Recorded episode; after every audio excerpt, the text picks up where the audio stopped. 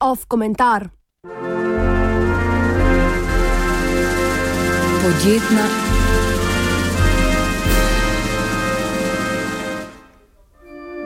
Najprej je prišla napoved. Predsednik Evropske komisije Jean-Claude Juncker je v nagovoru Evropskemu parlamentu izrazil prepričanje, da mora Evropska unija odpreti legalne poti za migrante v Evropo. V isti sapi je nadaljeval, da ne smemo pozabiti, da se evropsko prebivalstvo stara, da potrebujemo nov talent in da moramo migracijo iz problema spremeniti v dobro upravljan vir. Na to se je zgodilo. Notranji ministri držav članic Evropske unije so se včeraj strinjali z osnutkom sporazuma, v katerem med drugim piše, da bo Evropska unija vzpostavila tako imenovane procesne centre za migrante zunaj meja Evrope, natančneje v Turčiji in zaenkrat še neimenovanih severnoafriških državah. Ti centri naj bi po besedah njihove največje zagovornice, britanske notranje ministrice Theresa May, omogočili učinkovito razločevanje med begunci, ki jih je Evropa hočeš nočeš dolžna vzeti, in ekonomskimi imigranti, tistimi zlobnimi zajedavci. Slednje bi lahko brez nadležne pozornosti javnosti hitro deportirali nazaj.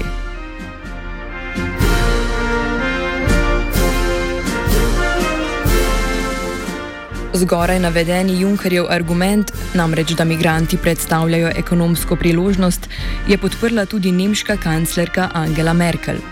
A kot podarja Theresa May, to ne velja za vse migrante in v resnici tudi ne za vse begunce. Procesni centri v Turčiji in severnoafriških državah bodo prikladni za to vrstno selekcijo. Omogočili bodo procesiranje ulog beguncev, preden ti pridejo na evropska tla in izbiranje tistih, ki jih bo Evropa lahko porabila. Saj veste, ti bi imeli boljše možnosti integracije. Takšen kriterij je za sprejetje beguncev do pred dvema letoma uporabljala Danska, še vedno pa ga uporablja naprimer Avstralija. Ostale pa bi brško ne lahko pustili životariti v Turčiji.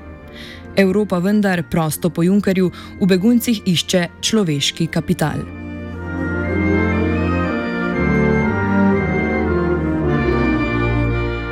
Pogoj za akumulacijo kapitala pa je, da kaotičen prihod beguncev organiziramo v dobro urejen trg. Procesni centri bi tako predstavljali primaren trg, kjer bi se odvijale prve javne ponudbe. Begunci bi preko njih, kot prvo javno ponudbo definira spletna stran Ljubljanske borze, vstopali na organiziran trg. Vlagatelji bi bile evropske države, ki bi svoje investicije na to prodajale na sekundarnem trgu znotraj meja Evropske unije.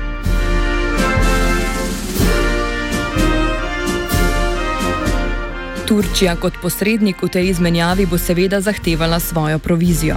In ta, sodeč po politični agendi predsednika Erdogana, brško ne, ne bo le finančna. Po vsej verjetnosti bo vključevala zagotovilo o političnem miru glede turškega reševanja tako imenovanega kurdskega vprašanja. Beri proste roke pri politično motiviranem sejanju kaosa po Bližnjem vzhodu. To pa bi domnevnim evropskim investitorjem odprlo nove trge in dostop do novega človeškega kapitala. Kot nas je poučil že Milton Friedman, na prostem trgu, pa naj vključuje politični, človeški ali kak drug kapital, se nobena transakcija ne zgodi, če od nje ne profitirata obe strani.